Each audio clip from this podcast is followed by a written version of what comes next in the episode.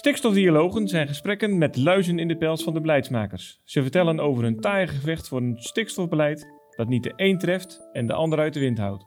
En dat is gebaseerd op nuchtere feiten. Aan tafel bij Klaas van der Rost zit John Spithoven.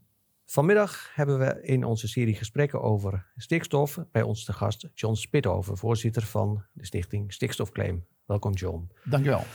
Um, met jou willen we graag even doorpraten over de activiteit en de richting van de stichting Stikstofclaim.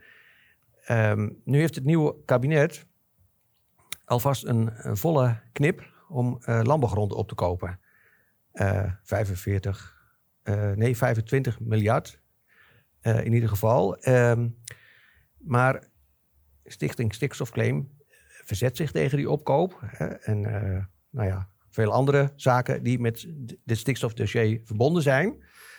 Um, en jullie hebben uh, gedreigd om naar de rechter te stappen om deze opkoop te voorkomen. En ook met verwijzing naar het feit dat ze een eerdere opkoop, die ze wel hebben gedaan, nog steeds niet op de goede manier hebben uh, verteerd, om het maar zo te zeggen. Afgewikkeld, ja, klopt, ja. Ja. Goed, uh, de, de, nieuwe kabinetsformatie is, uh, is af.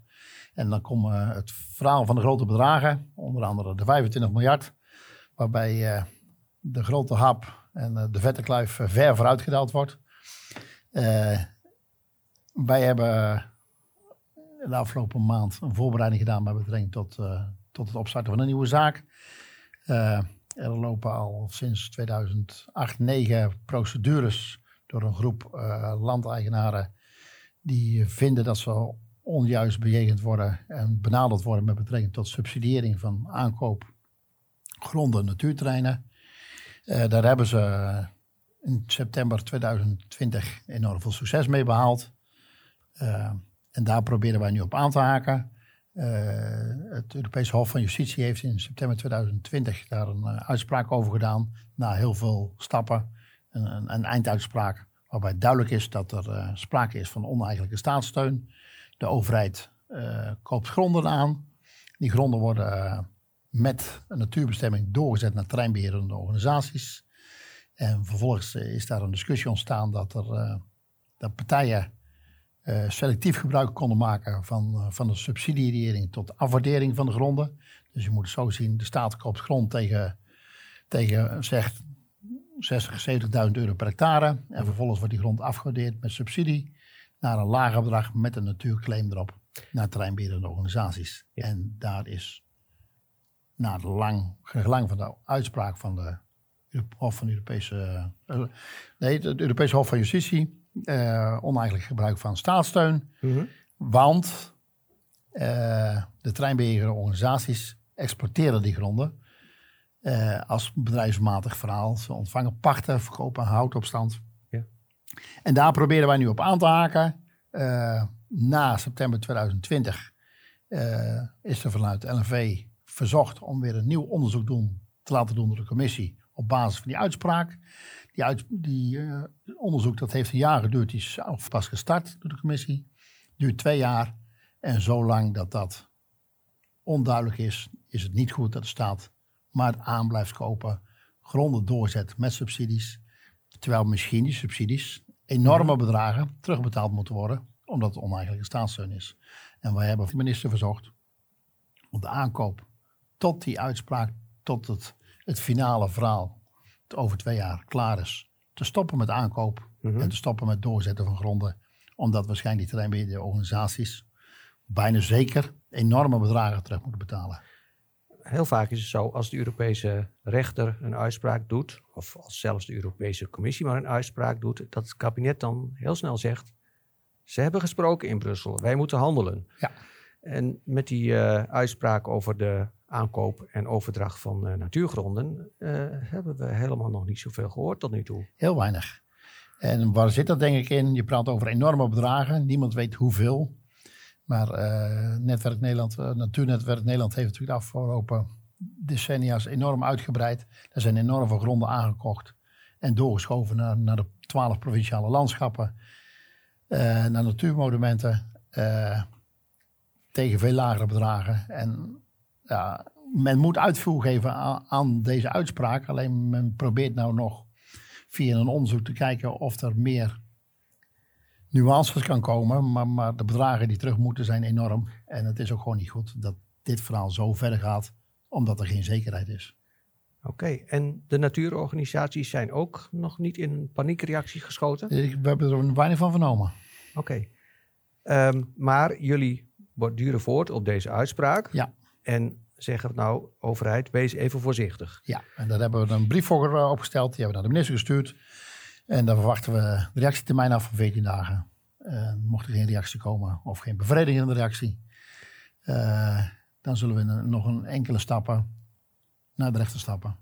En begin januari. begin januari. En vragen in een kort geding aan de voorzieningenrechter tot een, een uitstel van aankoop. Totdat er een definitieve afronding van de procedure in de, bij de Europese Commissie is. Oké. Dat uh, kan spannend worden. Nou ja, goed. Eh, het is ook geen einduitspraak. We vragen gewoon aan de voorzieningenrechter op een keer in januari om een voorlopige voorziening. Totdat de Europese Commissie klaar is met zijn onderzoek. Oké. Uh, dat worden grote belangen tegen elkaar. Dat worden grote belangen, ja. Um, de, stichting Stikstofclaim uh, is ook nog met een aantal andere procedures bezig, als ik het goed begreep. Ja, kan je er kort iets van iets over uitleggen? Wij zijn uh, in april, maart, april dit jaar uh, begonnen met een tweetal aansprakelijkheidsstellingen na het tot stand komen van de wet stikstofreductie en natuurherstel, waarbij als hoofdmoot voor de agrarische sector de legalisering van de pasmelders duidelijk werd dat er ook allerlei handhavingsprocedures liepen. Dat zagen wij aangesloten in de knel komen. Daar hebben we twee aansprakelijkheidsprocedures van lopen. Eén op bewijden en bemesten en de andere op legalisatie van de pasmelders. Mm -hmm. ja, die zaken lopen. Er zijn nog niet echt feitelijk pasmelders of bewijden en bemesten is er op gehandhaafd. Uh, dat loopt allemaal, maar op het moment dat het fout gaat, ligt er een vangnet. Waarbij de staat op voorhand aansprakelijk gesteld is. Daarnaast loopt er een bestuursrechtelijke procedure met betrekking tot de positieve weigering. Na de uitspraak van januari 2020, Logse Baan, werd duidelijk dat niet iedereen meer een nieuwe MB-wetvergunning nodig heeft. Iedereen, die binnen zijn voorgaand vergund emissieplafond blijft, kan intern sonderen. Op basis van het interne sonderen krijgt de bedrijven die dat doen geen nieuwe vergunning meer, maar een positieve weigering. Om hoeveel bedrijven kan dat gaan? Uh, nou, de, allereerst de pasmeldingen, maar dat is niet helemaal duidelijk. Maar dat gaat over duizenden bedrijven die uh, op het moment uh, links en rechts een vergunning aanvragen, maar binnen hun emissieplafond blijven. Dus op basis van diverse emissiearme technieken mm -hmm. niet kiezen voor externe studeren, maar voor binnen een vergunning blijven. En die krijgen geen nieuwe MB-wetvergunning, maar die krijgen een positieve weigering. En wat is er dan die positieve weigering? Uh, dat is op dat moment dat die afgegeven wordt wel een boterbriefje voor die dag, mm -hmm. om het even zo te zeggen. Maar als de omstandigheden wijzigen, met betrekking tot regelgeving, is die vergunning niets meer waard.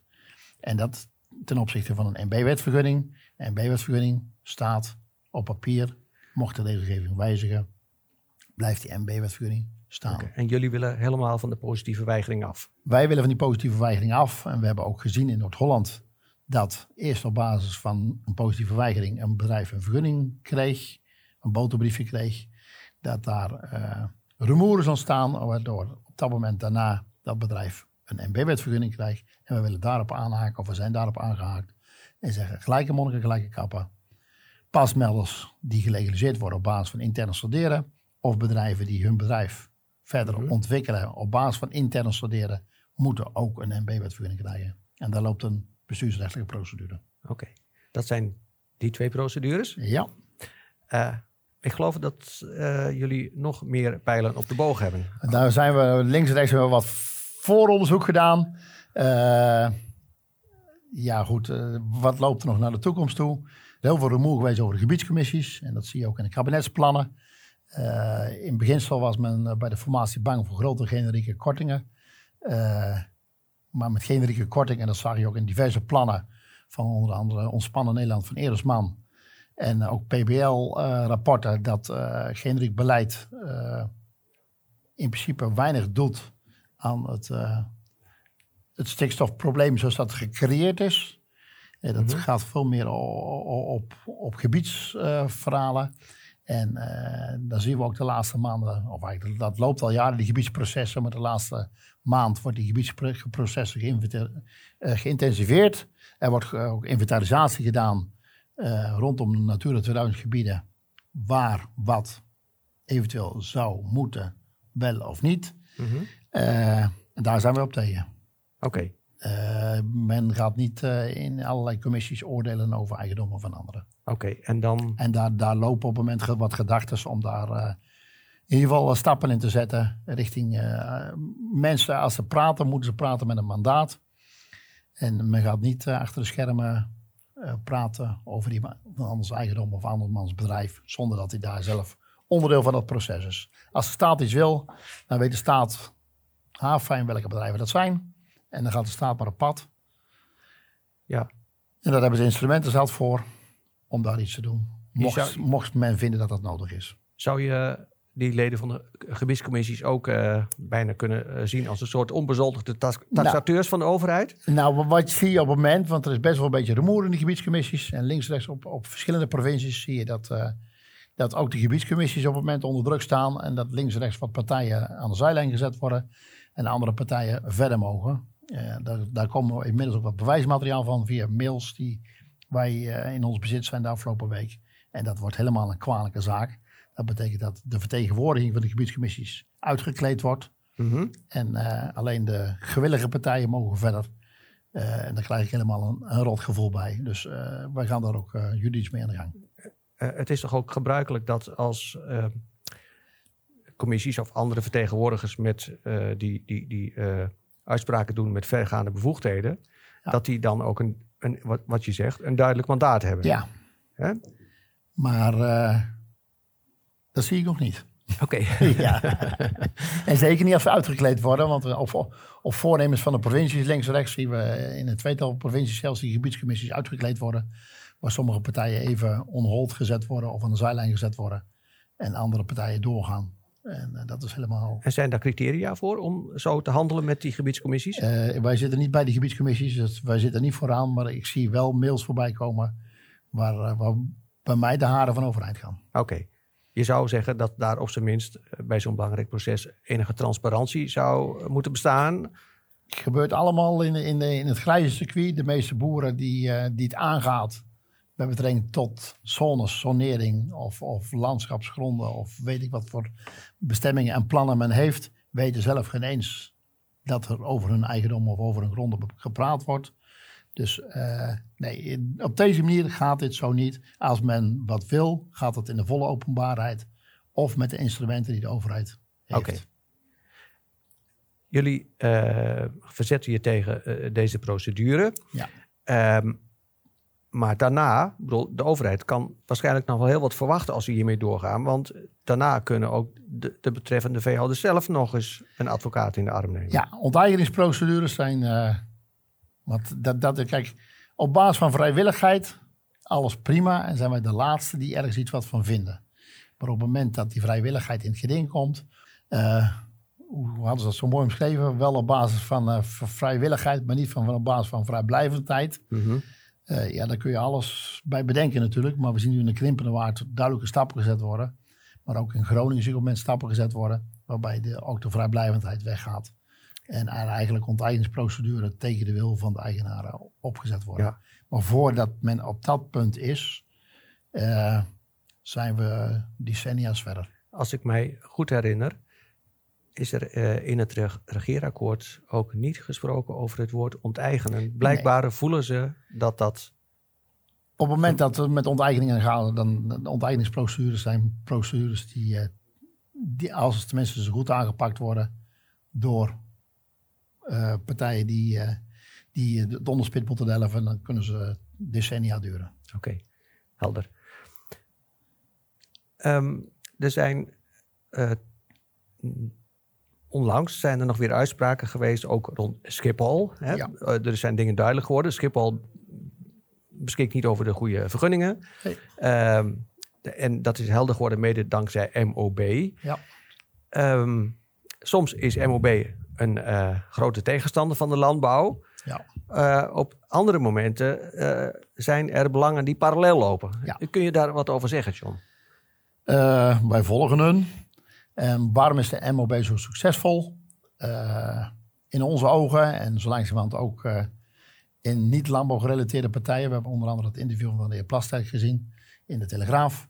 Eh we vragen ons steeds meer af, heeft Nederland de habitat- en vogelrichtlijn wel juist geïnterpreteerd?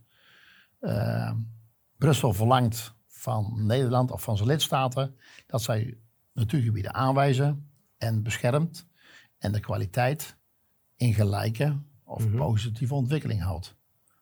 Nederland zegt, eh, men kiest daar voor stikstof en men focust zich compleet op stikstof als zijnde de hoofdoorzaak van het zijnde kwaliteit van de natuur, het verslechteringsverbod. Maar dat staat totaal niet in de vogel- en habitatrichtlijn. En dat is iets waar wij ook kansen zien op het moment. En dat is ook iets waar de MOB zich aan vastgrijpt. Niet aan die kansen, maar wel aan, aan de andere interpretatie van Nederland als zijnde de staat van de natuur Ja. als dat Brussel verlangt. Want Nederland focust zich op stikstof. Eh, dan kom je in de discussie van het model wat niet gevalideerd is. Mhm. Dan kom je in alle grote onzekerheden. Ja, En dan kom je vervolgens weer terug bij de oorspronkelijke richtlijn. Die aangeeft, er moet een significant onderzoek gedaan worden bij nieuwe activiteiten. En daar moet een 100% zekerheid in zitten. Maar op het moment dat je een kreupel model pakt, om maar even zo te zeggen. ja. Wat eh, een uitkomst geeft waarvan we allemaal niet weten of daar een 100% zekerheid in zit. En ook nog een invoer van dat model, waar ook nog allerlei discussie over is. Dus de emissiecijfers, die ook nog gemodelleerd tot stand komen. Weet je bijna zeker dat elke uitkomst die op drukfactor stikstof Mhm. zit, niet met 100% zekerheid te zeggen is. Alleen Nederland blijft daar wel op focussen. Dus biedt dat voor de MOB bijna een 100% garantie op prijsschieten. Oké. Maar als je kijkt naar ehm, het punt van gelijkberechtiging. Ja. En, ehm, de MOB eh, zorgt er, er wel voor op het ogenblik dat alle partijen die met stikstof worden aangepakt Ja. Door de overheid, dat die op, de, op dezelfde manier langs de lat worden gelegd. Ja, gelukkig wel. dat Dat, zien we nou, dat zien we nu in Brabant. eh, de discussie met, met de AME-centrale, met, met Isover. eh, waarbij eh, ja, gewoon gerommeld is met, met oude vergunningen. En, en niet zijn de actueel zijnde stikstofemissies die op de plank lagen. Als agrarische sector moeten we allemaal, mochten we stikstofruimte gebruiken, moet ze volgens conform de beleidsregels gerealiseerd zijn. Mhm. Eh, en we zien overal binnen de industrie dat er gerommeld wordt. Alles wat er nu naar boven komt via Herman Vreugdeel of via de MOB, is allemaal duidelijk dat er gerommeld is. Dat zien we ook. We, zijn, we hebben wat gedoken in, in de verlenging van de A15. En ook daar zien we dat alles niet helemaal volgens het boekje gegaan is. En dat. dat eh, en worden dan enigszins gevoeld in, in, in de krimp die hun voor ogen hebben voor, voor de veehouderij. Maar, maar hun hoofdmoot is, denk ik, als ik het zo bekijk, is gewoon het, eh, het ontstaan van illegale situaties en, en het gevecht daartegen gefocust op Oké. stikstof. Oké. Ehm, mag ik iets vragen over... Jullie, jullie hebben een heleboel ambities. Hè? Als ik dat hoor Ja. van... eh je s- eh, schakel een heleboel procedures in. Of zetten ze in gang. Ehm, maar dat gaat wat kosten. Ja, Ehm, misschien, Maar is, misschien, is de, misschien is jullie tegenstander ook wel benieuwd naar, naar, jullie, naar jullie Nou, middelen, ja. mogelijkheden. Maar eh, wij hebben voorlopig eh, voldoende mo- mogelijkheden en middelen. Eh, en we hebben ook voldoende supporters. We hebben al onze aangeslotenen. En dat, dat zijn er een groot aantal die ook al voor een groot aantal voor de tweede keer gedoneerd hebben. En daarnaast hebben we links en rechts ook nog wat contacten, goede contacten. Waarbij men zegt van eh, op het moment dat jullie raak schieten of van plan zijn om raak te schieten, dan, eh, dan kun je op onze steun rekenen. oké, dus er is eh, veel enthousiasme om jullie Nou, bij te staan. Eh, jongens, we, we praten als agrarische sector op een onderdeel van de eerste levensbehoefte. Eh, Ja. En op het moment dat die op basis van feiten fout, dingen, zaken fout doen, dan is het een andere discussie. Maar op het moment wordt hoe langer hoe meer duidelijk, na 2,5 jaar gerommel op stikstofniveau, op stikstofbeleid, dat er, eh, ja, het rammelt aan alle kanten zo langzamerhand. En uh, ja, op basis van dit verhaal, van deze ruis en, en dit geknoei, wat door de staat eigenlijk steeds in de benen gehouden wordt, aan de kant geschoven wordt of laat, laten schuiven, waardoor de periferie een enorme knak krijgt, deuk krijgt, waarbij individuele gezinsbedrijven op het moment gewoon ja.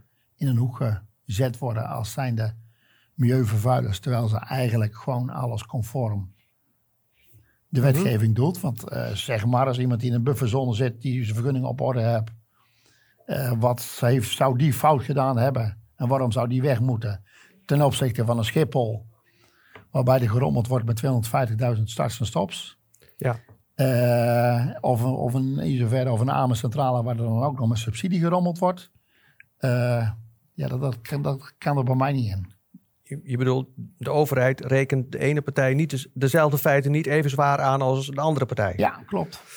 Um, ja, hoe, hoe zou je dat, puur alleen dat uh, feit al beter voor elkaar kunnen krijgen? Hè? Dat, nou, dat er een soort gelijkberechtiging. Daar zien we de mop nou uh, gelukkig ook op springen. Ja. wij hebben ook wel heel lang stilgestaan van jongens uh, moeten we ook op dat vlak aan de gang gaan. We hebben ons statuten wat gewijzigd de afgelopen periode. Het geeft ook wat mogelijkheden nu binnen ons statuten om ook op dat vlak aan de gang te gaan. Dus het aanpakken van industrieën die de zaken niet op orde hebben. Ja. Om maar even zo te zeggen. Alleen, ja, we hebben binnen de sector nog zoveel zaken die we wel beter kunnen pakken. Ja. dat ligt niet, en zeker omdat de mop daar nu meer de gang gaat, ligt dan niet onze focus. Maar we zeggen niet dat we het nooit doen.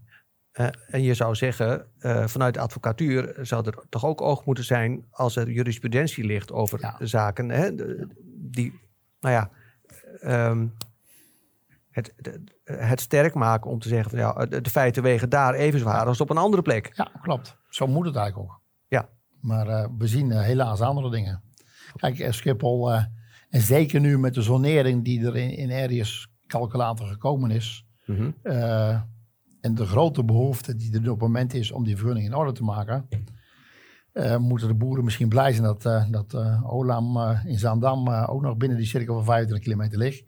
En dus de media dook op de agrarische sector.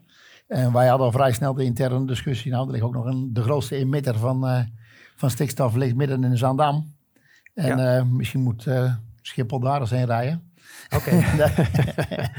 nee, maar dat, dat is op het moment, het, het, het, dat hele stikstofdossier, dat, dat zit vol met framing. En elke keer wordt er gekeken naar de agrarische sector. Waarbij eigenlijk zo lang ook duidelijk wordt dat de industrie er ook een rommeltje van gemaakt En dat werd bij ons al duidelijk, eigenlijk uh, ten tijde van, van de eerste rechtszaak die we hadden uh, over de data, de RIVM-data. Mm -hmm. Toen werd eigenlijk al duidelijk dat... Uh, ja, dat, dat de agrarische sector uh, redelijk de boel voor elkaar had, redelijk alles vergund was. En de data die kwamen vanuit de industrie, er maar ruim 700 vergunde situaties waren. Ja, En dat is gewoon, uh, nee. Als ik dat zo hoor, uh, John, hebben jullie als stikstofclaim werk genoeg? Ja. Het is voor jou een bijbaan. Ja. klopt, klopt. En valt dat uh, nog een beetje te combineren? Uh, moeizaam, moeizaam. Het is uh, voor een groot deel vrijwilligerswerk natuurlijk. En we hebben ons nou eenmaal, want daar zijn we natuurlijk de eerste jaren we heel druk bezig geweest met het eigen maken van het dossier. en dat voordeel hebben we nu. het dossier is ons eigen. Daardoor kunnen we sneller schakelen. -huh. Mhm. daardoor kost het ook iets minder tijd natuurlijk nu. Maar het voorbereiden van een zaak, sommigen denken daar allemaal heel licht voor van. Maar het, het raakschieten, het voorbereiden van de zaak, zoals bijvoorbeeld de voelmaatregelen, maar nu de stappen ook tegen de discussie van oneigenlijke staatssteun, daar zit enorm veel tijd. Okay. Gaat er aan vooraf. Dossiers nog, lezen, dossiers in lezen. En misschien misschien voor het laatste nog, of een laatste vraag. Want je hebt ook de, de officiële belangenbehartigers, hè? Ja. die worden daarvoor betaald. Uh, en jullie uh, doen het allemaal uh, rodeo, om het maar zo te zeggen. Ja. Uh, krijgen jullie daar nou ook uh, applaus voor van de, de, de heren betaalde bestuurders of de vrouwen? Ik eh, zou graag willen dat de belangenpartijen zich allemaal verenigen om alle instrumenten die er binnen de belangenbehartiging zijn. En dat is aan de compleet linkerkant wat kleinere groeperingen die of de biologische bedrijvigheid of dat soort zaken behartigen. En aan de rechter, compleet rechterkant uh, de FDF met alles wat er midden tussenin zit. Plus de discussie van Stichting Agrifex en stikstofclaim. Als er nou iets beter samengewerkt wordt, dan konden we ook dit dossier op een fatsoenlijke manier afwerken. Nou, misschien leren ze uh, nog iets van uh, hoe dit dossiers worden aangepakt en misschien worden afgehandeld. dat zullen we zien. Uh, bedankt voor de toelichting Dank, en succes toegewenst. Dank je wel. Dank John Spithoven. Dit was Stikstofdialogen. Tot een volgende keer.